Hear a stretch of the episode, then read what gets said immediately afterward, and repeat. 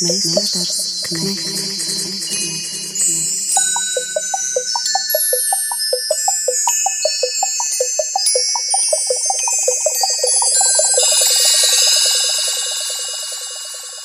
Meisters, Knechts. Esiet sveicināti! Eterā raidījums Mēnesis Knekts un pie mikrofona ir Oris Silabriedis. Šī ir tā vieta, kur mēs reizi mēnesī stundas garumā varam diskutēt par sasāpējušiem kultūra politikas jautājumiem. Un šoreiz mēs gribam turpināt jau vairākās iepriekšējās Mēnesis Knekta epizodēs aizskartas, bet acīm redzami joprojām neizrunātas lietas. Runa ir par Knekta iepriekšējām sezonām. Tātad e, mūsu uzmanības lokā ir Krievu kultūras vieta mūsu kultūra telpā, atcelšanas kultūra, mākslas cenzūra un arī kam īpaši gribētu šoreiz pievērst uzmanību, tie ir tie neglītie veidi, kādā mēs visi par to sarunājamies. Nu, cerams, ka mēs tā nedarīsim. Sarunu biedri šoreiz ir režisori Krista Burāne, sociālās psiholoģijas profesors Ivars Austers, komponists Arturs Maskats un filozofs Igors Gubenko. Vai mēs sarunas sākumā varētu mēģināt definēt katrs savu iekšējo kompasu attiecībā uz pilnīgi konkrēto jautājumu, kas ir mūsu mākslas kultūra telpā šobrīd ļoti aktuāls, tad Krievu kultūru pašreizējos kara apstākļos, vai jums ir izdevies novilkt kaut kādas līnijas, līdz kurām var, pēc kurām vairs nevar? Krista, sāksim ar tevi. Paldies par šo sarežģīto jautājumu un personīgajām līnijām. Sākoties karam, mana nostāja bija tāda, ka es šajā brīdī nevēlos krieviski runāt, un arī uh, pievērst uzmanību vai runāt par, runāt ar, sarunāties ar Krievu vai Krievijas kultūras notikumiem. Jo tas uh, emocionālais pārdzīvojums bija ārkārtīgi spēcīgs, un uh, tā pirmā reakcija bija absolūti norobežoties. Ejot laikam un emocijām, lēnā garā pāraugot racionālā domāšanā par situāciju, kurā mēs esam, atklājās ļoti dažādi aspekti, kā par to domāt un kā Krievijā un krievu autoru veidotus mākslas notikumus uzlūkot. Un šobrīd uh, es priekš sevis esmu uh, atradusi nu, atbildi, ka svarīga ir motivācija, kādēļ konkrētais darbs vai mākslinieks parādās uh, latviešu kultūras telpā vai Latvijas kultūras telpā. Jebkuram mākslas darbam ir savs mērķis un ir savs vēstījums. Un ir svarīgi, kā mēs šo mērķi un vēstījumu nododam, kā mēs par to runājam, un uh, kas ir tās atbildes, uh, kuras mēs sniedzam uz jautājumu, kāpēc tieši tagad te šim mākslas darbam un māksliniekam ir jāparādās. Un ja tā motivācija un uh, mērķi ir saistīti ar apzinātu cieņas izrādīšanu, Ukrainai vai visai tai pasaules daļai, kura iestājas pret Krieviju, tad ir pilnīgi vienalga, kas ir radījis šo darbu vai kādā valodā tas notiek. Tāpēc man liekas, ka mērķis un cieņa ir tie aspekti, kas ir jāņem vērā, runājot par krieviski notiekošiem kultūras notikumiem Latvijā. Mēs eh, raidījuma gaitā precizēsim un noteikti runāsim par paraugiem, piemēriem. Artur, vai tev ir izdevies novilkt kaut ko? Es tagad jautāju, tā, kā tas būtu nepieciešams. Ja patiesībā mēs ar Māru Rozenbergu, kas ir eh, Meistarknekta otra pastāvīgā vadītāja, bet kur, diemžēl, ir nepatīkams kāris pavēsts pavasaris, eh, ik brīdim atzīstamies, ka mēs daudz ko nespējam nodefinēt, daudz kam nespējam rast atbildes un ciešu savu pārliecību. Man arī ir tādas ļoti tuvas izjūtas ar to, ko tikko teica Krista par šo iekšējo definīciju. Es arī būtu piesardzīgs domāt, jo viņa iekšēji tas sajūta mainās. Pagājušā gada 24. februārī man bija tāds pats šoks no rīta. Kaut gan kā visas pazīmes liecināja, ka tomēr kaut kāds konflikts izvērsīsies un ka viņš būs tāds, kāds viņš vēlāk ir kļuvis. Bet man neizdevās norobežoties no krievu valodas, jo pie manis tajā brīdī atradās viens ukraiņš cilvēks, ar kuru mēs esam runājuši krieviski. Ja, līdz tam runājām, un, un uh, 27. februārī tā mēs nesākām runāt citā valodā. Ja. Bet uh, tās kultūras vērtības, un tas daudz tajās dienās tika pārdomāts. Bet pēc tam tas varbūt palika līdzīgi tā kā tas ir kristai. Es domāju, ka katrs gadījums ir pirmkārt jāvērtē atsevišķi. Un otrkārt, man ir kaut kāda tāda iekšēji lampiņa, tiklīdz es jūtu, ka kaut kāda norobežošanās notiek tikai nacionālitātes pēc, vai tikai tāpēc, ka cilvēks ir viena tāda etnisko izcelsme, ja, tā tas man uzreiz uh, rada tādu iekšēju pretestību. Es uh, to nesaprotu un nepieņemu, ja, ja kāds mākslas darbs, ja kāds mākslas darba radītājs tiek nošķirts no kaut kā pārējā tikai savas tautības. Tas man liekas pilnīgi nepieņemam arī šodien. Runāja ar tos maskats, Igārs Gabenko. Igāra, tavs viedoklis. Es varbūt gribētu sākumā precizēt jautājumu, kā tieši mēs saprotam šīs novilktās līnijas? Personiskas? E, pirmkārt, personiskas, jā, un otrkārt, nu, teiksim, ja tu atrastos kādā amatā, kurā tev ir jāpieņem lēmums, spēlēt vai nespēlēt, lasīt vai nelasīt, runāt vai nerunāt. Par pirmo. Es patērēju ļoti dažādus kultūras produktus. Man jāatzīst, ka pētnieciskos nolūkos es patērēju arī tos Krievijā ražotus produktus, kuri uh, pauž atbalstu karam un visam neprātam, kas tur notiek. Ja? Attiecīgi, man ir interesanti, pretīgi, bet tomēr interesanti redzēt šo ļaunuma banalitāti, kā tā pārņem sabiedrību, kura, protams, ir gadiem ilgi cietusi jā, no, šīs, no šī autoritārā režīma, bet likās, ka nu, tie cilvēki nav tik nozombēti, un tomēr izrādās, izrādās ka, ka ir. Jā. jā, un arī visos slāņos, un arī kultūras elite diezgan mērķiecīgi tomēr pieliek savu ārtavu. Mēs zinām, ka mm, šī brīža Krievijā tu nevari klusēt. Ja, attiecīgi, vienkārši klusēt, tas jau ir pārāk aizdomīgi. Tev ir jāatbalsta notiekošais. Ja, un tad tiešām tie, kuri paliek Krievijā, diemžēl viņi ir spiesti to darīt, viņi to arī dara. Tā ir viņu absolūta atbildība, un mums tas noteikti ir jāņem vērā, vērtējot jebkādu iespējamo sadarbību ar šiem cilvēkiem nākotnē nu, kā saka, mūsdienu informatīvās telpas apstākļos diezgan labi var par jebkuru personu noskaidrot, kādi ir bijuši izteikumi, kur kāds ir piedalījies. Attiecīgi par šo, es domāju, nav jāuztraucas. Bet kas attiec uz otro, uz lēmumiem.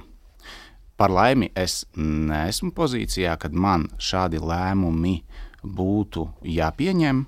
Jā, nu, protams, var runāt par manu satoriju redaktora lomu horizontālajā struktūrā, kur potenciāli arī varbūt kādreiz mums vajadzētu lemt par kāda jā, teksta likteni, kurš nāktu varbūt no tās puses. Bet man tiešām man nav gatava viedokļa. Es piedošanu, bet es teikšu pragmatiski, skatoties pēc situācijas, apstākļiem un konkrēta gadījuma. Jā. Tas, ko es varu vispārīgi teikt, es absolūti nejūtu nekādas morālas tiesības, būdams krievalodīgs, aizstāvēt nekādus Krievijā jā, ražotus kultūras produktus, Krievijas autorus un teikt, ka nu nē, taču paturēsim tos dižos komponistus apritē. Absolūti nē. Mana nostāja ir. Drīzāk nevis atcelšana, bet jāpiestrādā, manuprāt, pie tā, lai to jauno kritisko lasījumu spēju izkoptu, kas mums nav, un attiecīgi pārskatīt, pārlasīt, pārvērtēt šo kanonu, būtībā pasaules kanonu, kurā eh, tā krievu kultūra ir pārstāvēta mūzikā, kā mēs zinām, ir sevišķi, eh, kritiski pārvērtēt, saskatīt šos eh, nu, ļaunuma ziedus, tā teikt, tajos lielajos vēstījumos, kurus mēs esam ilgstoši uzskatījuši par ļoti tādiem, nu, varbūt centrāliem arī mūsu kultūras pašapieksmei. Bet pats es individuāli neiestājos par šo atcelšanu. Taču vienlaikus šī brīža situācija, ja kāds nevar dzirdēt krievu valodu, Jā, un, un, un ja kādam tas rada negatīvus pārdzīvojumus, tad es tos arī respektēju un es to saprotu. Atsevišķa, visbeidzot, tāda zemesvītras piezīme ir par krievalodīgās kultūras likteni Latvijā. Manuprāt, tā ir pavisam atsevišķa tēma. Ja, valstī, kur trešdaļa iedzīvotāju ir krievalodīgi, mēs nevaram izturēties pret krievu valodu, krievu kultūru tā, it kā tas būtu tikai kaut kas tāds importa produkts no Krievijas. Tā tas nav. Jā, Igors Gubenko, paldies, Ivars Austers pie visas šīs sabiedrības melnbaltošanās un galējībās iešanas jūsu viedoklis. Nu, ko tam te vairāk piebilst? Vai nu, nu, nu, Viss, nu, nu, nu, nu. bet, bet uh, nu, es droši vien par kādām trijām lietām varētu mm, kā, kādu vārdu bilst.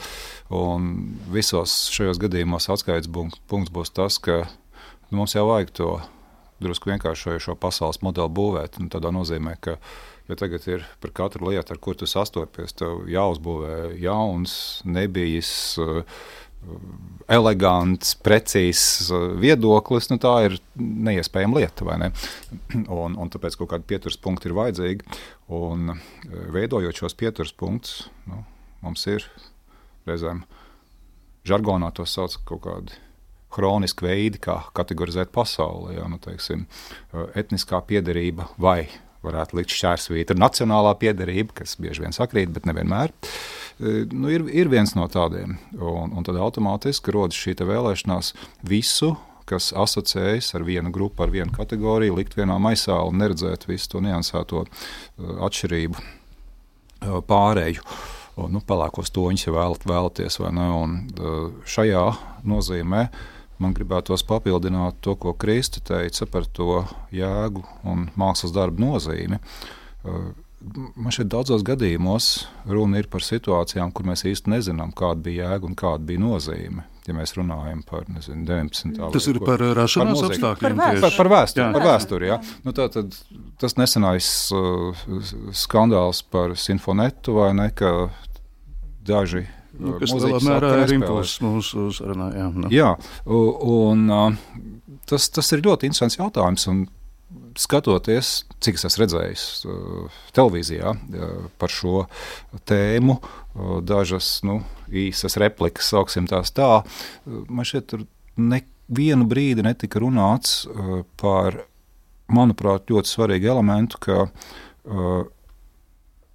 kaut kādā veidā translējot kultūras telpā noteiktus kaut kādus muzikālos skaņdarbus, kas automātiski asociējas ar Krieviju, tu kaut ko dari arī šodienas Krievijas kontekstā. Ja? Nu, tā tad varbūt nemaz nav tik slikti, ja tur ir tie labie kultūras piemēri. Ja? Nu, tas kaut kādā veidā tiek atšķaidīts, tas, kas notiek šodien. Lai gan tīrā veidā droši vien mēs varētu teikt, ka tur ar Čaikovsku ir viss kārtībā, un kas nu tur tajā gadījumā nu, bija simfonēts gadījumā. Prakosija, jā, jā, jā. Uh, bet, uh, man šķiet, ka šis uh, skatu punkts ir ļoti, ļoti svarīgs. Un man, domājot par to, vai kaut ko darīt vai nedarīt, uh, viņš ir kaut kur uzmanības perifērijā visu laiku. Jā, teiksim, man pieredze uh, attiecībā uz Krievijas kultūras patēriņu vēl pirms mazliet vairāk kā gada Es diezgan daudz klausījos uh, Krievijā tapušu neatkarīgu elektronisko muziku. No mazās izdevniecības, burvīgi piemēri. Ja.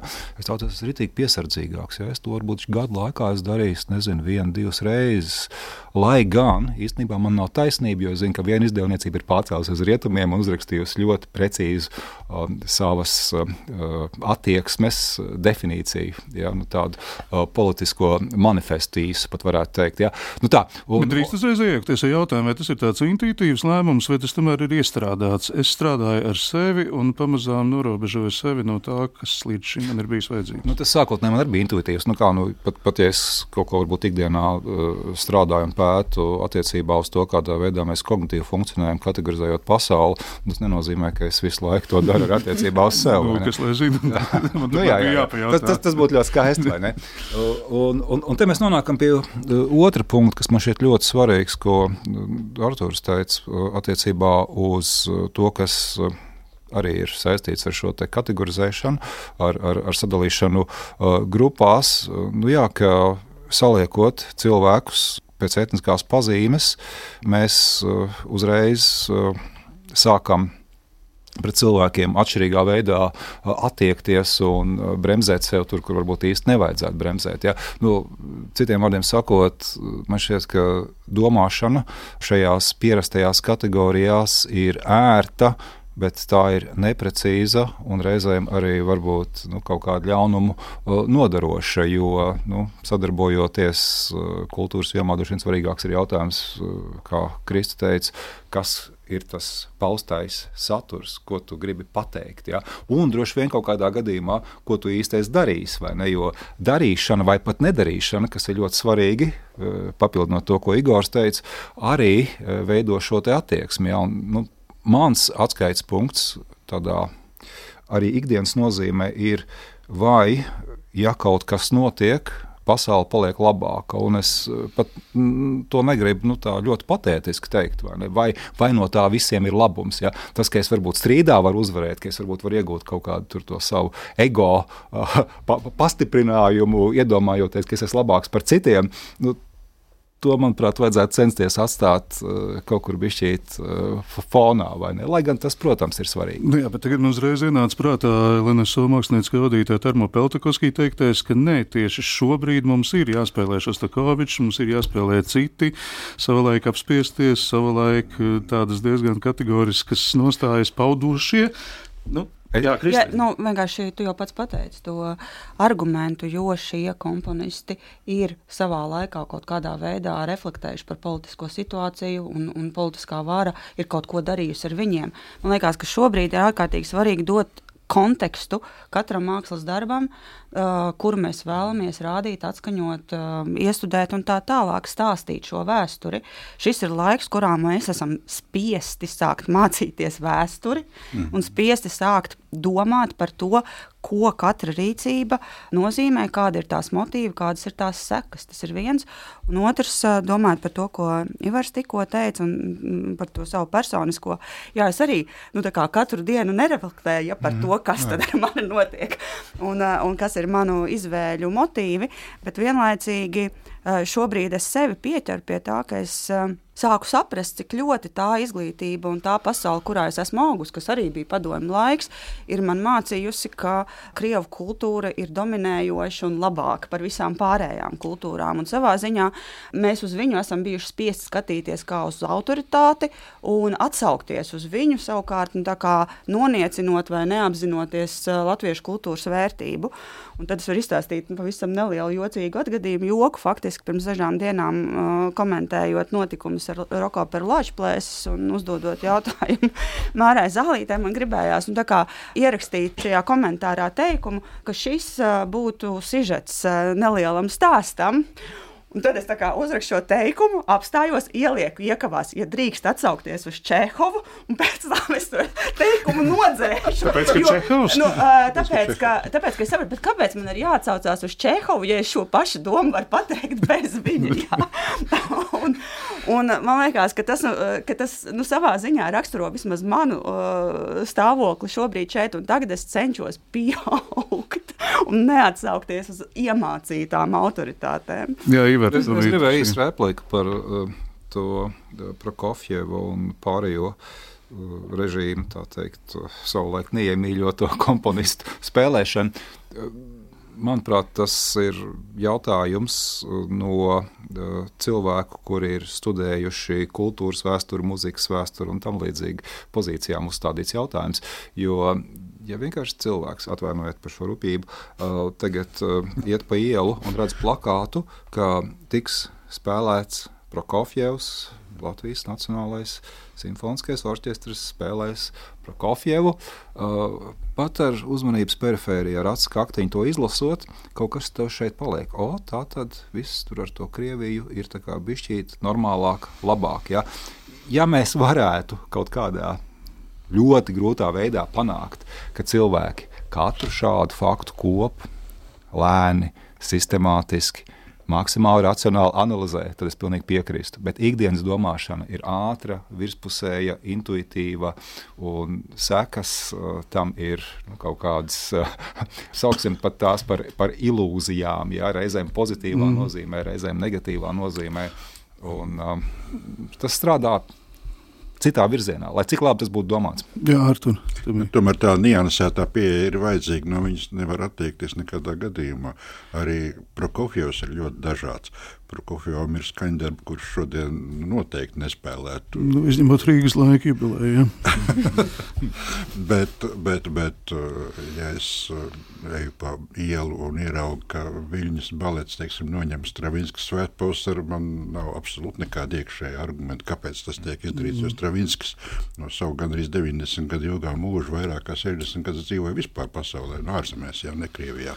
Nu jā, bet tev atkal teiks, ka tā ir Krieva mītoloģija. Ka... Nu jā, bet jūs katrs jau, jūs sākāt atkal par vēsturi. Par, nu, patiesībā sakot, es par to, ne, es, piemēram, par to neko nezinu. Es par to nelopojos, ja, bet es domāju, ka lielākā daļa cilvēku Jā, to nezina. Tas ir, par tas ir jāstāsta un jārunā. Es gribēju teikt, to, ka Šostakovičs un Prokofjevs tie ir komponisti. Nu, eh, es piekrītu Tarmo Peltakovskij, ka Šostakoviču vajag spēlēt. Viņš, starp citu, rietumu orķestri sāk spēlēt pašlaik ar vien vairāk. Bet, eh, ja mēs teiksim, nošķiram arī to Stravinsku, tad tas notiek tikai tautības dēļ un nekā savādāk. Es to neredzu.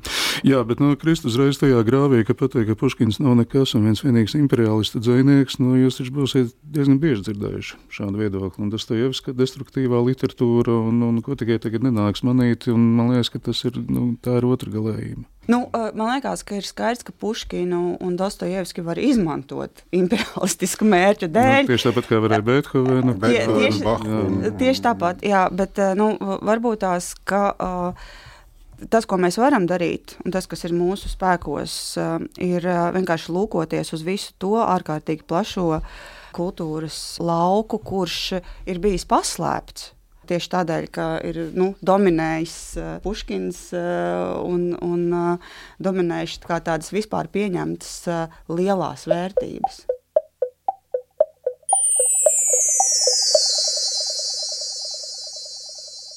Nu jā, un tad mēs nonākam pie lauka, ar ko mēs jau iepriekšējā redzējumā Mēsters Knekts, kas bija veltīta līdzīgai tēmai, runājām, un sevišķi ar Māru Poļakovu par Ukraiņu kultūras absolūti neizpētīto lauku un to, cik patiesībā daudz no mūzikas vēstures, un ar to arī to ļoti labi zini, īstenībā ir Ukraiņu saknes, jā, ko pēc tam Krievijas mūzikas kultūra vienkārši piesavinājusies. Tā tas ir.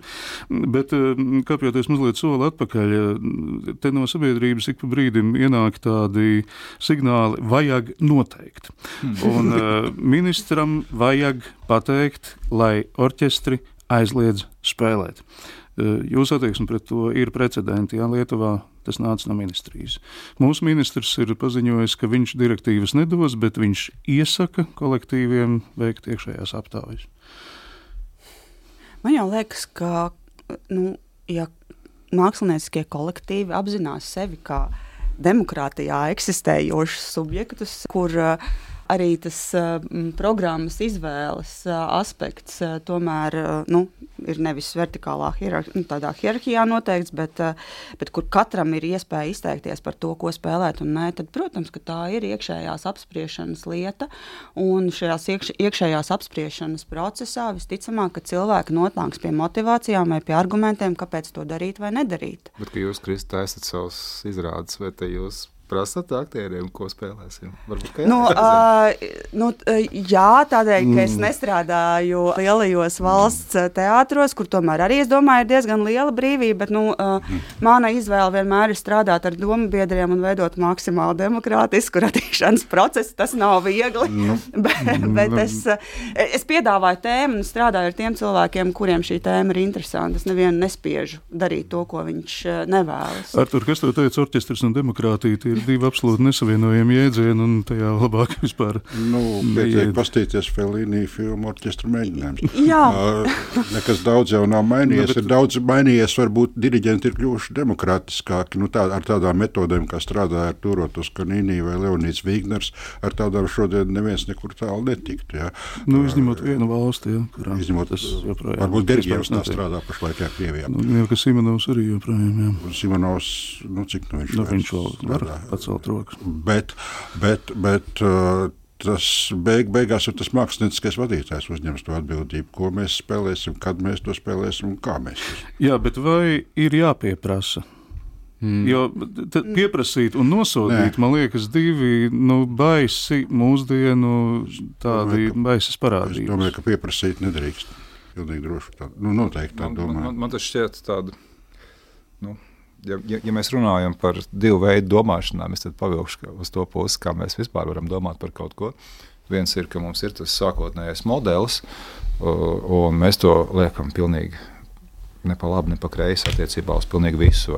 tas otrs, otra puse ir, ka mums vispār nav nekāda modeļa. Mēs sākam domāt un sākam diskutēt par kaut ko. Nu, lai cik tas banāli nebūtu, tas elegantākais veids jau ir kaut ko paņemt no vienas puses un no otras puses. Jā, mums ir skaidri, skaidrs vērtības, lai cik banāli tas neskanētu. Jā. Ir kaut kāda hierarhija, ko mēs gribam pateikt, un tad tajā vērtību hierarhijā droši vien nu, ieriepšanai, naidam nevajadzētu būt pirmajā vietā, ja, bet atskaites punktam būtu jābūt. Nu, nevajadzētu būt, bet ir. Bet, bet, varbūt, bet varbūt tās vienkārši kultūras ministrija nevis aizliedz, bet uh, aicina lūkoties uz visu šo noslēpto kultūras lauku. Ja kultūras ministrijas pasūtījums ir mēģināt paplašināt mūsu izpratni par to pašu ukrāņu kultūru vai, vai jauno demokrātisko autoru, Krievijas autoru radītajiem mākslas darbiem, tas visticamāk mākslinieckiem vadītājiem nu, tā kā dot iespēju padomāt, vai tas viņiem ir interesanti vai nē, un tad pieņemt pašiem lēmumu, ko viņi dara. Jā, Igor, tev bija brīnišķīgi to satorijas leja par melnbalto. Un, eh, man liekas, ka jautājums par nosūtīšanu, pieprasīšanu arī zināmā mērā attiecināms uz to. Visnotaļ, es domāju, tas attiecināms arī uz tādu problēmu, ko es raksturotu kā lienošais autoritārisms. Ā, Ļoti sporādisks pagaidām mūsu valstī, bet mēs redzam tādus kā nu, karstpunktus, ja var teikt, kurā pēkšņi izpildvara iedomājas, jā, ka tā var diktēt un pieprasīt un aizliegt un cenzēt. Un no šī viedokļa tik tiešām iejaukšanās kultūras saturā no varas pozīcijām, manuprāt, ir ļoti bīstama tendence. Tāpēc es ļoti atbalstu kultūras ministra pozīciju. Viņš personiski uzskata, ka nebūtu jāatskaņo, bet viņš to nav gatavs jā, no augšas uzspiest kultūras iestādēm, un manuprāt, tas ir ļoti labi. Nu Jā, tad varbūt mums ir jāpasaka, ka mēs satiekamies dienā, redzējuma ierakstā, respektīvi, noteikti dienā, kad 8.30 no rīta vismaz viens no mums pieciem bija pilsoniski aktīvs pie varam, darbiem un logiem. Un man neskapēc liekas, ka tas, ko Igors teica, drusku ir attiecināms arī uz šo. Nu, tad runa ir par mums visiem labi zināmu pilsētu 40 km no Rīgas. Nu, ne tikai es domāju, ka ir vairākas pašvaldības. Mēs zinām, arī Daugopilī un Rēzeknē notiek tas pats. Es pieņemu, ka Ventspils ir sa- sastapusies arī ar šādiem diktātiem no augšas, ko tad drīkst, ko nedrīkst, vajag vai nevajag ā, darīt kādā konkrētā mm, kultūras vai mākslas um, organizācijā. Un, ā, nu, jā, tas ir ļoti labs piemērs tam, ko, tam, ko Igors tikko teica, ka vismaz pašvaldību līmenī cilvēkiem liekas, ka viņi var diktēt, kas ir pareizi vai nepareizi māksla, un tas ir ceļš uz autoritārismu. Tāpēc um, jā, arī atbalstu uh, kultūras ministru. Nē, uh, politiķi nedrīkst iejaukties mākslas procesos. Un šeit, manuprāt, arī būtiski ir saprast, ka šis etniskais rāmis, par ko iepriekš jau šodien runāts, ja tur krievi, latvieši, ļoti traucē saskatīt situācijas būtību. Ja, jo, piemēram, kaut kādā brīdī, kad uh, vienīgais mērķis ir uh, atcelt jebko krievisku, uh, ieskaitot, nu, nezinu, uh, krievu kultūras izpausmes tepat Latvijā, mēs aizmirstam, ka pati šī atcelšana bieži vien ir sevišķi, ja tā notiek no varas pozīcijām tā līdzinās ja, tam, kas notiek Krievijā. Attiecīgi, eh, autoritārisms ir problēma, varbūt nevis tikai krieviskums kā tāds. Eh, un, manuprāt, ir ļoti svarīgi spēt arī paraudzīties uz šo situāciju ārpus šī eh, mums tik ļoti ierastā, bet ļoti problemātiskā dalījuma. Nu jā, mēs šobrīd esam brīdī, kad mums visiem ir ļoti daudz jāmācās, ko jau mēs šajā radījumā vairāk kārt esam konstatējuši. Un pēc cik var jūs teikt, man uzreiz iestājās galvā Māris Melēns balss, kur saka, ka izglītība ir nozīme, bet viena lieta ir izglītība, otra lieta tomēr ir cilvēka uzvedība. Un varbūt tomēr mēs varam mazliet izvērst šo jautājumu, nu, kādēļ šobrīd sabiedrība tik ļoti polarizējas un mārai. Domājot par raidījumu, bija arī brīnišķīgs jautājums, kāpēc cilvēkam vispār ir vajadzīga sajūta, ka viņam ir taisnība. Jo šobrīd daudzi dūri galdā cērtot un skaidām lecot, ir gatavi pirmkārt aizstāvēt kaut kādu iedomu, ko viņi ir iedomājušies, un otrkārt līdz pēdējiem aizvainojuši uzbrukt tam, kurš atļaus domāt citādi. Tas tā kā tāds lekcijas uh, temats būtu, vai ne? Kāpēc mums Mm, uh, ir tik svarīgi gūt pārliecību, to- mums ir taisnība. Nu, uh, nu, man par to patīk domāt tā, ka uh, ir tāds, ir tāds patiesībā no 19. gadsimta fizikiem palienāts jēdziens kā naivais realisms, ja, ka mums šķiet, ka tas, ko mēs redzam, tas ir Naivais, naivais, naivais, reālisms, naivais realisms, jā, ka tas ir patiesa, nu, tādā realitātes nozīmē? Tad, tad virskārta, Un, ja? uh, vai kas Nu, dažreiz pat Vai- tā nav virskārta. Tā impulss pat nav ir- virskārta. Jā, nu, piemērs varētu būt tāds, ka, ja mēs tagad skatāmies uz sarkanu ābolu, tad mums šķiet, ka sarkanums ir kaut kāda īpašība un tā ir patiesa. Ja? Mēs nedomājam par to, ka tas ir vienkārši noteikts frekvences gaismas atstarošanās fenomens. Ja? Nu, tādā veidā. Bet nu, pārnesot to uz, uz sociālo pasauli, tagad sadalot sevi un citus kaut kādās grupās, kas ir dabisks process, un no tā mēs nekādi nevaram izvairīties. Jautājums ir, cik elastīgi mēs esam izmantojot dalījuma grupās, eh, mums eh, ir eh, vajadzība to sadalījumu uzturēt nu, ētiski pēdiņās tīru. Ja, tādā nozīmē, ka mums ir jāattaisno savu ideoloģiju, un to mēs varam izdarīt uh, vairāku uh, kaut kādu darbību rezultātā. Ja mēs esam ļoti selektīvi informācijas atlasē, mēs gan attiecībā uz citiem, gan attiecībā uz sevi, ja mēs esam ļoti Uh, selektīvi savā atmiņā, un reizē mūsu atmiņa mūs pieviļ pilnīgi. Mēs atceramies to, kas nav bijis, mēs kaut ko uzkonstruējam. Un, uh, jo ilgāk mēs to darām, jo vairāk mēs tajā visā esam ieguldījuši. Ja? Un ir tāda burvīga metāfora, kas man patīk ļoti, ka mūsu pārliecības skatījums uz pasauli ir uh, mūsu īpašums. Ja? Un, ja es tagad gadiem esmu krājis, būvējis to savu pasaules modeli, eh, ja vēl reizē man ir bijis jāaizstāv tas mans pasaules skatījums pret citiem, ja man kāds ir uzbrucis, ja, tad tas ir īpaši eh, sāpīgi eh, kaut ko tādu zaudēt. Ja, un, nu, tie ir tie mehānismi, kas uztur to lielā mērā pie dzīvības. Nu, plus vēl sociālais atbalsts, ja teiksim, sociālai tīkli tur dara briesmīgi sliktas lietas, jā, sākot ar izdomāto. Šķiet, ka Twitteriem bija tā pirmā lieta, ka varēja retvītot, ja, ka tu varēji plašāk sūtīt to visu, jā, un Facebook pārņēma visu, visu šīs lietas. Un tādā veidā, kas notiek, nu, visas šīs potenciāli polarizējušās lietas ir populārākas. Rupjākās lietas ir populārākas, jā, un tas arī vēl visu to stiprina.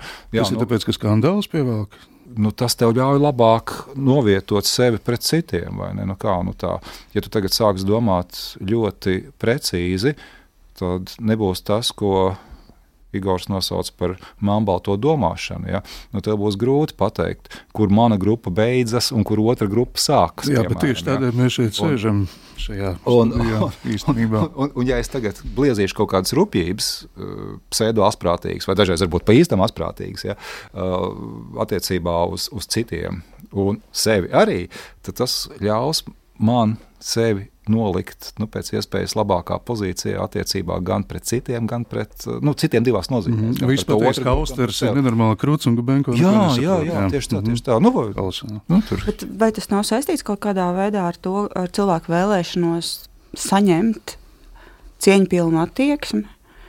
Un, nu, tas, ko tu panāksi, esot rupšs vai esot uzbūstojot uh, sa savu esamību šeit, šajā studijā ar kaut kādu noteiktu uzvedību, ir tava vēlme, lai kaut kāds noteikts cilvēku skaits tevi cienītu par to. Un man liekas, ka savā ziņā tās problēmas, kas nu, lielā mērā ir Latvijas sabiedrībā, ir mm, šīs eksistenciālās cieņas trūkums cilvēku vidū, kur cilvēki nejūtas cienīti, un viņi meklē dažādus veidus, kā šo cieņu iemantot. Nu, mazākā vai lielākā grupā, bet principā jau tā sabiedrība, kurā tas, tas demokrātiskais process, kurā mēs esam, viņam būtu jānodrošina vienlīdzīga cieņa visiem.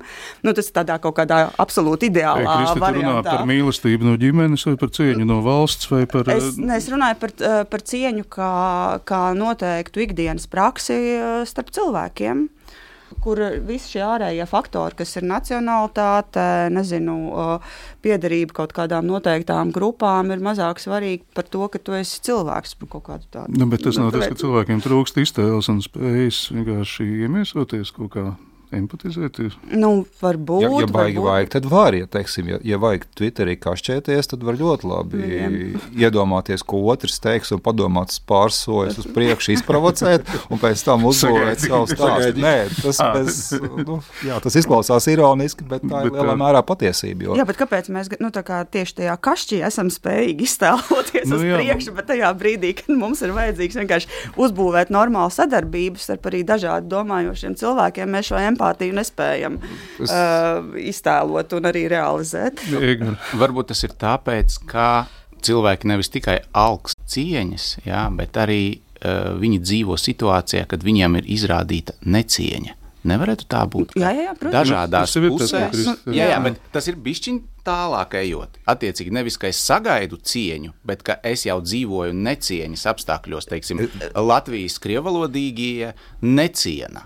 Jā, nezinu, jā, jā. nacionālās vērtības, vai otrādi. Vai viņi otrādi. domā, jā, ka Jā, jā, viņi nav cienīti, eh, viņi ir atstumti. Jā, un tad, attiecīgi, kā mēs varam šo situāciju salauzt, konstruktīvā nozīmē. Mm. Jā, kurš varētu būt tas, kurš eh, šo cieņu izrādīs, un eh, no kā mēs to varam nu, tā kā, mm, pamatoti sagaidīt? Tas ir jautājums. Man, man jau šķiet, ka tas nav tikai nu, šādā kultūras vai plašākā nozīmē, politiskā kontekstā, ka tas ir uh, nu, precīzi jau. Kristus teica, sākot ar sadzīves lietām, ja, visdažādākajos veidos, ja, kādā veidā cilvēki miedarbojas vadot autiņus, ja, kādā veidā cilvēki nemiedarbojas ejot ar kājām vai braucot ar velospēdu vai stāvdrāzi. Ja. Nu, principā tas ir tas pats. Ja.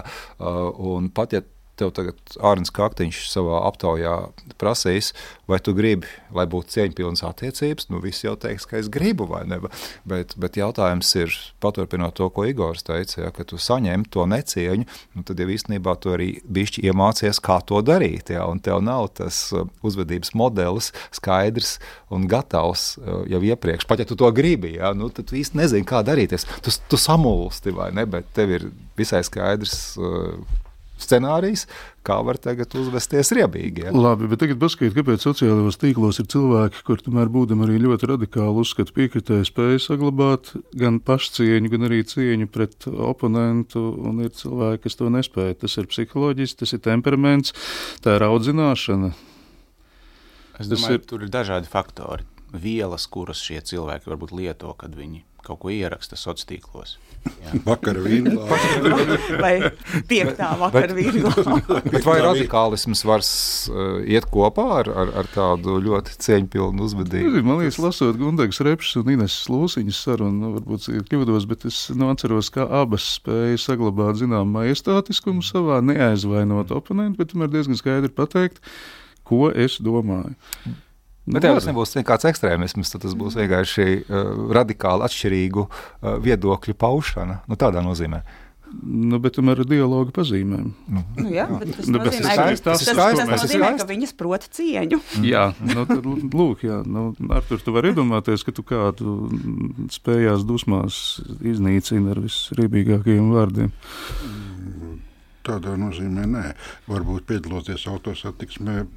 Gan esot mašīnā viens pats pie Es ko daudz saka, ka nevajadzētu skaļruņus uz To jumta. nevajadzētu skaidrot. jā. Nu, es no personīgās pieredzes runājot, jā, man ir diezgan regulāra uh, Twitter saziņa ar Lianu Langu, par kuru arī daudzi man saka, kāpēc tu vispār ar viņu sarunājies. Es ar viņu sarunājos, un es varu apliecināt, ka viņas, teiksim, tajā troļļu mm, nu, kaut kādā svītā, kas, ir, uh, kas reaģē uz viņas tvītiem. Nu, tur ir atbalsts, tam- atbalsts, Jā, jā. jā, ka tās atbalstis ir daudz, daudz, daudz skarbākas. Un var kādreiz redzēt, ka tiešām t- tās replikas ir formulētas ar vienīgu mērķi. Ja?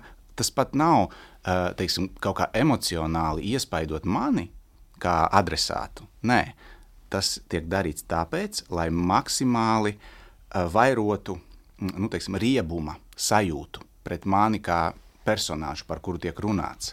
Ja, un, uh, es domāju, tas ir kaut kas, ko, piemēram, Langas kundze pati, nu, es nespēju izsakot, viņa ļoti intensīvi uh, komunicē, bet vismaz tajā, kas attiecas uz mani, man šķiet, ka kaut kādas nu, korektuma robežas viņa ievēro, lai gan arī diezgan, uh, nu, teiksim, varētu teikt, viņa aicina uz kaut kādu uh, manis un, un līdzīgi dažu domājošu cilvēku apklusināšanu. Piemēram, viņai šķiet, ka es kā cilvēks, kurš pirms pusgada vai vairāk uh, iestājās pār pārdaugas pieminekļa paturēšanu kaut kādā pārveidotā veidā, nevis demontāžu, ka man nav tiesību tagad vairs spriest par jebkādām sociāli, kultūrāli, politiskām reālijām. Ja, un, nu, kaut kādā ziņā tas ir arī aicinājums uz tādu nu, maigu atcelšanu no viņas puses, bet viņa spēja vismaz to korekti noformulēt. Man Viņa, bet viņi taču zina, kāda tā viņas ziņa izraisīs viņas sekotājos reakciju. Parasti viņas tehnika ir tāda, ka viņa tad, tad, paņem kaut kādu manu teiksim, citātu, arī bildi ieliek kādreiz, lai, lai varētu redzēt, mm. kurš to saka, un iedod savu rāmi. Attiecīgi mm. rāmējumu, tādu interpretatīvu, ja, ar kuru tad pēc tam strādā tālāk tie nu, visaktīvākie viņas sekotāji. Artur, es tavā vietā vispār apsvērtu operas libretu, jo es bieži domāju par to, ka šī balss ir tā atbalstība, ja, tad tas vēl kontra ar to pretējo viedokli. Tas jau ir gatavs librets. Strādājis pie operas. jā, nu, jā.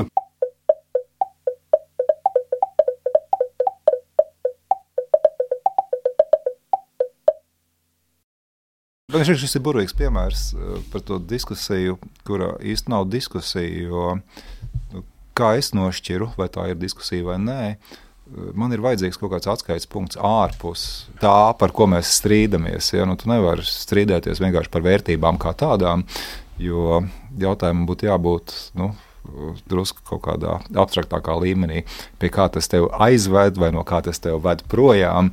Un, uh, ja nav tāda atskaites punkta, tad ir bezcerīgi kaut ko teikt. Jā, droši vien, ka tas Orest, jūs piemērs par, kas bija Gunda Grepša, ar ko ar Ines Lūsiņu. Ja, es pieņemu, ka tādā diskusijā bija arī kaut kāds uh, atskaites punkts ārpus tā, jautājumu loku, kur mums nesakrīt viedokļi. Ja? Nu, to var pilnīgi banāli pieiet. Nu, teiksim, laime cilvēkam. Ja? Vai cilvēki kļūs laimīgāki, ja mēs darīsim tā vai šitā? Ja? Jo vienkārši teikt, ka ir vajadzīgs nu, tur, uh, piemineklis vai, vai, vai noteikti veikt skaņdarbu spēlēšanu, nu, tas nav pat īsti diskusijas jautājums. Ja? Tas, ir, nu, tas neatbild jautājumu, kāpēc. Jā, bet nu, runājot par šo laimi, nu, varbūt mēs varam paskatīties atkal no tāda putnu lidojuma, nu, vai šo situāciju vispār nu, labi izlabot. Ir diezgan stulbs darbības vārds šajā gadījumā, bet kā viņu varētu varbūt uzlabot? Nu, tā ir runāšana, runāšana, runāšana. Nu, tas ir kas nu, mūsu diskusija arī. Nu, cik cilvēki noklausīsies, tik arī daži varbūt kaut ko pārdomās, daži paliks pie savām domām. Nu, ko mēs varam? Ko cilvēks var mūsdienās darīt. Nu, saistībā ar ko? Saistībā ar to, ka varētu varbūt mazināt šo polarizāciju, šo melnbaltizāciju, šo nu, būtībā arī ļaunumu. Spriešanas paraugu, nu, ja mēs runājam par uh, cilvēkiem, nu, kuri klausās uh, klasiku, jā, tad. Jā, vai lasa satorijas lejas. Vai lasa satorijas lejas, jā. Uh, tad, um, vienkārši sniegt paraugus, ja, kādā veidā tu, tu argumentē. Nevis, ka kaut kas tiek iepriekš pieņemts kā labs un vērtīgs esam, bet kāpēc? Ja? Nu, tad šī paskaidrojošā daļa uh, tajā publiskajā sarunā ļoti reti, kad ir klāta esoša. Ja? Tā visbiežāk ir viedokļu sadursmes, uh, gaumes plašā nozīmē. Eh, sadursmes un diskusijas, vai tas, kas man patīk, ir labāks par to, kas tev patīk. Tas arī nekur tā baigi uh, neved. Jā. Uh, nu, jā.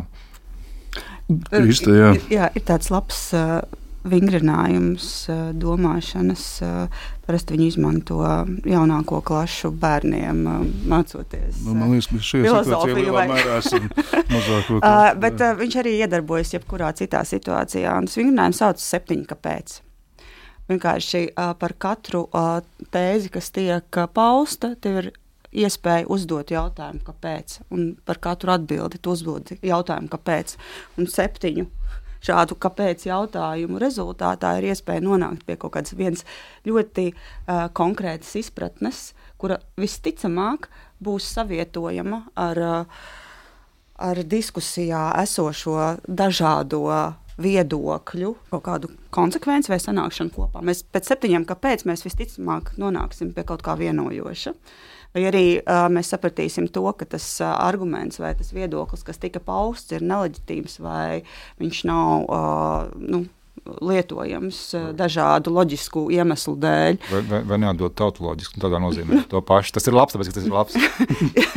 jā, jā, jā. Nu, tu, tu vienkārši saproti to cilvēku daudz labāk, daudz dziļāk pēc šiem septiņiem, kāpēc. Un tad tu spēj pieņemt lēmumu vai piekrist šim viedoklim vai nē, bet vienkārši iet. Nu, tas ir, nu, tas. Jā, tāpēc, ka es tā domāju, tāpēc tas, tas vienmēr vedīs pie polarizācijas. Jā, Igor. Man ir viena pavisam konkrēta ideja. Es uh, gada sākumā piedalījos uh, jaunā teātra, Latvijas jaunā teātra institūta mm -hmm. rīkotajā sarunā, ko vadīja mm, Ilza Zenovska uh, par līdzīgu tēmu.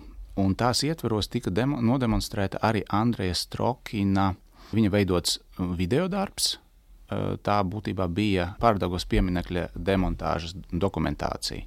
Nu, tā, tā ar māksliniecisko pievienoto vērtību, teiksim, kā jau Andrejs Strokins to mēdz darīt.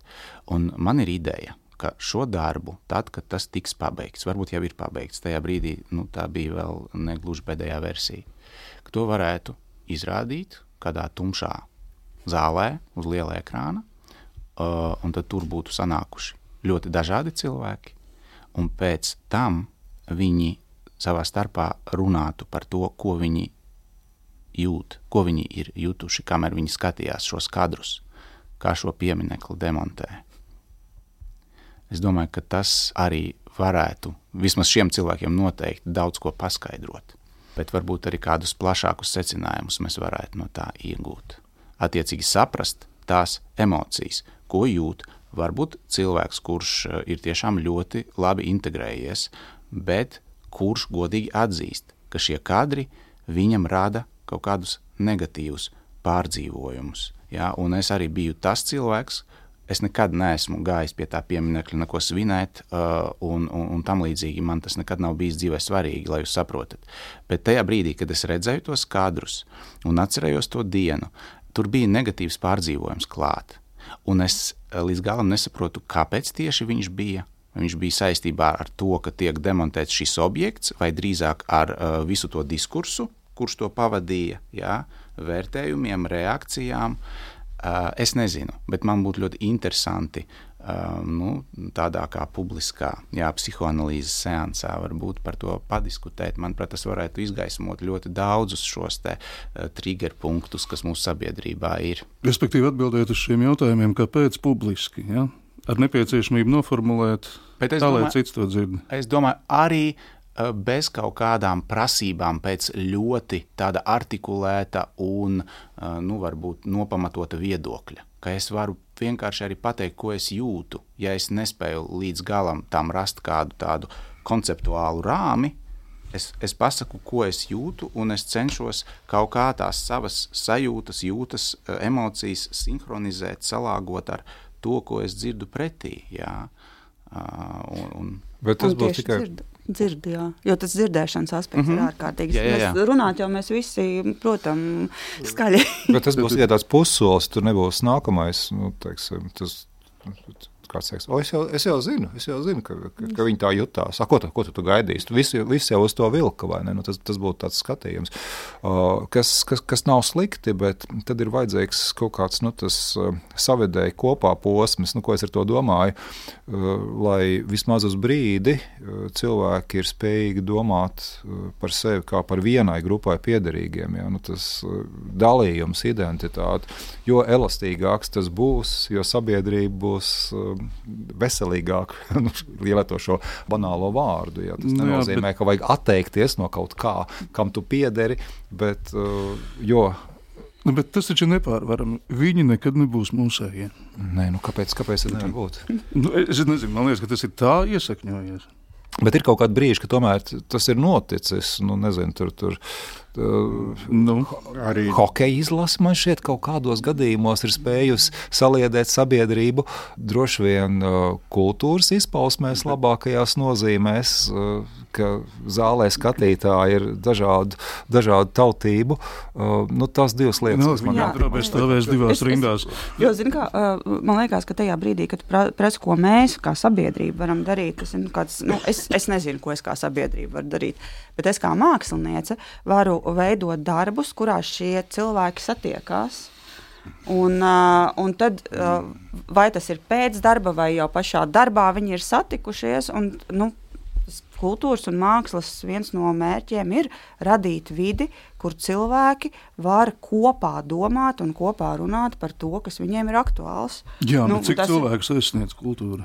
Oh, nu, tas, lūk, un tas jau ir nu, tā kā atkal valdības, man liekas, uzdevums. Ar to tu visu laiku mēģini kaut ko pateikt. Es gribēju teikt, ka, kad manā jaunībā 1991. gada barikādas bija tieši tas brīdis, kad man liekas, ka mēs satiekamies. Es tur gāju tajās barikādēs katru dienu un ļoti ilgi. Un, un tur bija uz tām barikādēm bija jau nacionālais balets, kur lielākā daļa bija krievalodīga tajā brīdī pat. Ja, gan ļoti, ļoti dažādi cilvēki. Ja, es, es redzēju šo satikšanos reāli. Ja, tas bija pirms vairāk kā 30 gadiem. Jā, jā, bet bija arī tie, kuri pulcējās citur tajā Jā, laikā. arī tie bija, jā. un viņi arī joprojām ir, ir Latvijas jā. iedzīvotāji. Jā, un tas ir jautājums, nu, kā, Kā mēs, mēs varam iekļaušanas, jā. Un jā. es noteikti tam seansam, Igor, par ko tu runāji, liktu klāt arī Staņislava Takālo filmu Viss būs labi.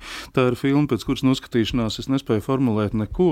Es tikai saprastu, ka es vēl vairāk saplūstu ar to savu teritoriju, ar to savu zemi un valsti, kurā es esmu, un ar to situāciju, par kuru mēs vispār tik daudz ko pat nenojaušam ikdienā, bet kas tik ļoti ietekmē mūsu ikdienu. Nu, te ir jautājums par, par nāciju valsti. Tad nu, nozīmē, kas nav uh, uh, visu laiku uh, etnisko dalījumu uzsveroša. Ja, un, nu, droši vien, kamēr izglītības sistēma netiks mainīta, uh, tas arī turpināsies. Tas varētu būt uh, viens bezcerīgs. pietiekami auglīgs risinājums. Uh, nu, manuprāt, gadu 20 perspektīvā tas ir gandrīz vienīgais iespējamais, ja, ka netiek uh, dalītas skolas. Nu, nav latviešu skolas un krievu skolas, kur mācās latviešu. Ja, nu, ir jābūt vienai skolu sistēmai, kur tu ikdienā attiecies ar cilvēkiem. Protams, ka tur būs nesaskaņas, protams, tur būs viens otrs, nezinu, kautiņš varbūt pat, jā. Nu, tas, tas ir neizbēgami, bet uh, sekas noteikti būs pozitīvākas, jo daudzas lietas, par kurām mēs tagad šeit runājam, vienkārši pazust un šķist, vai tad, tad kādreiz kaut kas tāds ir bijis. Jā. Tas nenozīmē, ka pazust etniskums kā tāds, ka tautība pazust, jā, bet nu, tas būtu viena no formām, kā darīt atsevišķas lietas mazliet citādākā veidā. Neapšaubām, ka tā skolas sistēma šajā vienas skolas virzienā ir nepieciešama. Bet tas, kas uh, mazliet vismaz uh, esošajā laikā un esošajā situācijā dara uzmanīgus cilvēkus par jēdzienu nācija valsts, manuprāt, tas, ka Latvijā tā nācija valsts sakņojās kaut kādā etniskā skatījumā. Un, manuprāt, daudz, uh, nu, nezinu, kaut kādā ziņā varbūt tās produktīvāk būtu domāt par šo pilsonisko valsti. Okay. Pilsoniskās nācijas Jā, Pil, jā, par, par, pilsonisko val- jā, nu, jā, par pilsoniskās nācijas. tas ir jautājums par terminoloģiju. Jā, jā, bet, Jā, nu, jā. bet ņemot vērā to, ka mums ir preambula, kurā tas uh, etniskais aspekts ir ļoti izcēlts, ja, tad uh, šī diskusija par to, kādu valsti mēs būvējam, kādu veidu nāciju mēs būvējam, kas ir tas, ko mēs savos mākslas darbos vēlamies pateikt, ir ārkārtīgi svarīgs. Tāpēc viņi, mums ir jāsarunājas, jāsarunājas, jāsarunājas. Bet ļoti svarīgs ir arī politiskās elites diskurss un vēstījumi. Mm. Jā, man tiešām bija tas. Nu, Jā, atzīšos, patīkams pārsteigums, ka arī uh, Nauris Puntulis, kas ir nu, Nacionālās apvienības ministrs, viņš uh, ļoti skaidri izteicās uh, tajā sarunā, ka jā, nācija nav etniska kopiena viņa izpratnē. Tā etniskā piedarība ir sekundāra. Mm -hmm. Svarīgais ir kopējās vērtības, jā, kopīga valoda un valodu spēja tomēr apgūt un iemācīties dažādu jā, etnisku teikt, grupu pārstāvi.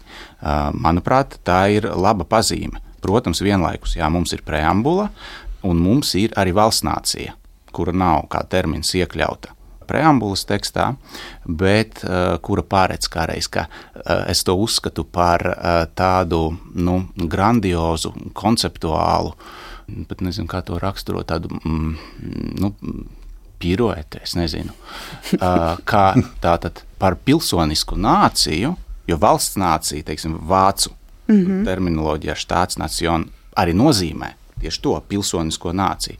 Tiek pasludināta etniskā kopiena, jo latvieši ir valsts nācija Latvijā, kā prezidents Levits to ir vairāk kārt formulējis. Es nesaprotu, kāpēc viņš uzskatīja, ka mums kā valstī vajag šādu izpratni par nāciju. Es nesaprotu, kāpēc viņš ir gribējis tā teikt nākamajām paudzēm mantojumā atstāt kaut ko tādu. Un man ir liels prieks, ka tomēr pilsoniskā nācija ir mūsu politiskās dienas kārtības jā, nu, fokusā.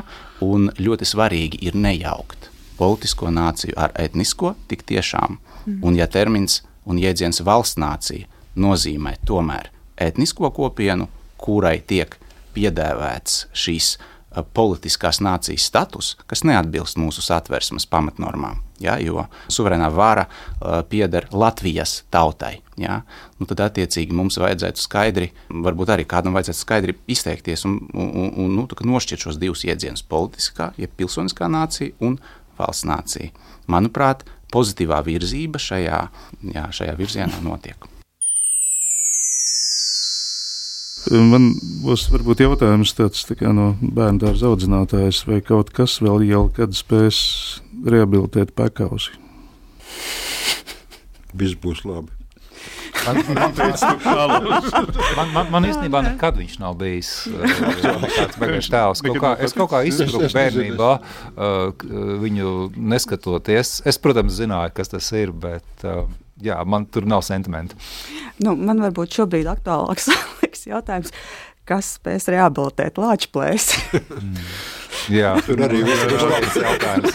Notikums Lielvārdē, ko mēs jā. gaidām šovasar. Tas, jā, tas ir notikums Lielvārdē, kuru mēs gaidām šovasar, un kur uh, reāli mēs redzam, kā ne tikai Krievijā un Baltkrievijā, bet arī Latvijā politiķi izmanto mākslu, kas ir ieguvusi kaut kādu noteiktu simbolisku vērtību. Uh, savas politiskās reputācijas spodrināšanai un savu politiskā kapitāla veidošanā. Nu, bet... un, un tā ir mākslinieka atbildība piedalīties vai nepiedalīties šādos acīm redzamos. Vai, vai piedalīties un kaut ko pateikt, jā, jo, cik es saprotu, tur ja runā par to preses konferenci, jau kas jā, bija. Jā, jā. Ka, Zigmārs Liepiņš teica, paldies, Helmaņa kungs, paldies jums, paldies par šo iespēju. Nu, manuprāt, to varēja arī savādāk pavērst uh, visu šo pasākumu. Nu, bet, Krista, tikpat labi kāds teiks, nu, bet Latvijas lielais skaistais simbols, tā viss ir pagātne, ko mēs aktualizējam šodien, nu neskatāmies uz kaut kādiem niekiem, kas noteikti turpat ogrē, cilvēkiem būs prieks, mūzika stiprina, vārds stiprina,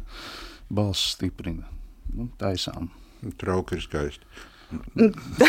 Trauki ir skaisti un vienalga par kādu naudu. Nē, nu šajā gadījumā man liekas. Uh, Uh, katrs izdara savas izvēles, gan par to, vai uh, mēs atbalstam ar savu darbu autoritāri atkal virzītus politiķus, vai mēs uh, izvēlamies pirkt vai nepirkt biļetes uz šādiem notikumiem, un vai mēs vispār domājam līdzi savām izvēlēm. Jo, jo tas, ko var redzēt īpaši šajā gadījumā ar Latvijas lielvārdu un Helmani, ir tas, cik viegli uh, mēs varam pārdot kaut kādus savus nacionālos uh, simbolus vienkārši tādēļ, ka ir situācija, kurā to var izdarīt. Tā ir apļuveida struktūra, tā sarunā mēs sākām ar to, jā, vai, vai drīkst spēlēt noteikti veidu skaņdarbus. Nu, plašākā nozīmē nu, drusku, vai ne? Lūk, un, un, te, un te ir tieši tas pats, vai ne? Ko tagad uzvedot Lašplēs lielvārdē, vienlaikus izdara ar Helmanu, jā. Jā, nu, droši vien tas ir jautājums, uz ko mēs šobrīd neatbildam, bet Mēnesis Knekts jau kā vienmēr tikai ierosina un uzdod jautājumus. Šī nav nekāda atbildžu grāmata, un es saku lielu paldies par atkal bagātīgu vielu pārdomām.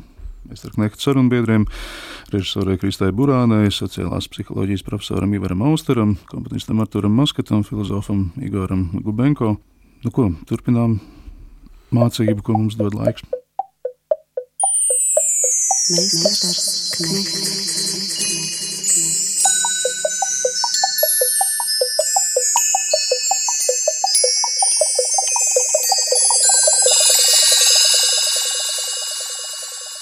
Meisters, Knechts.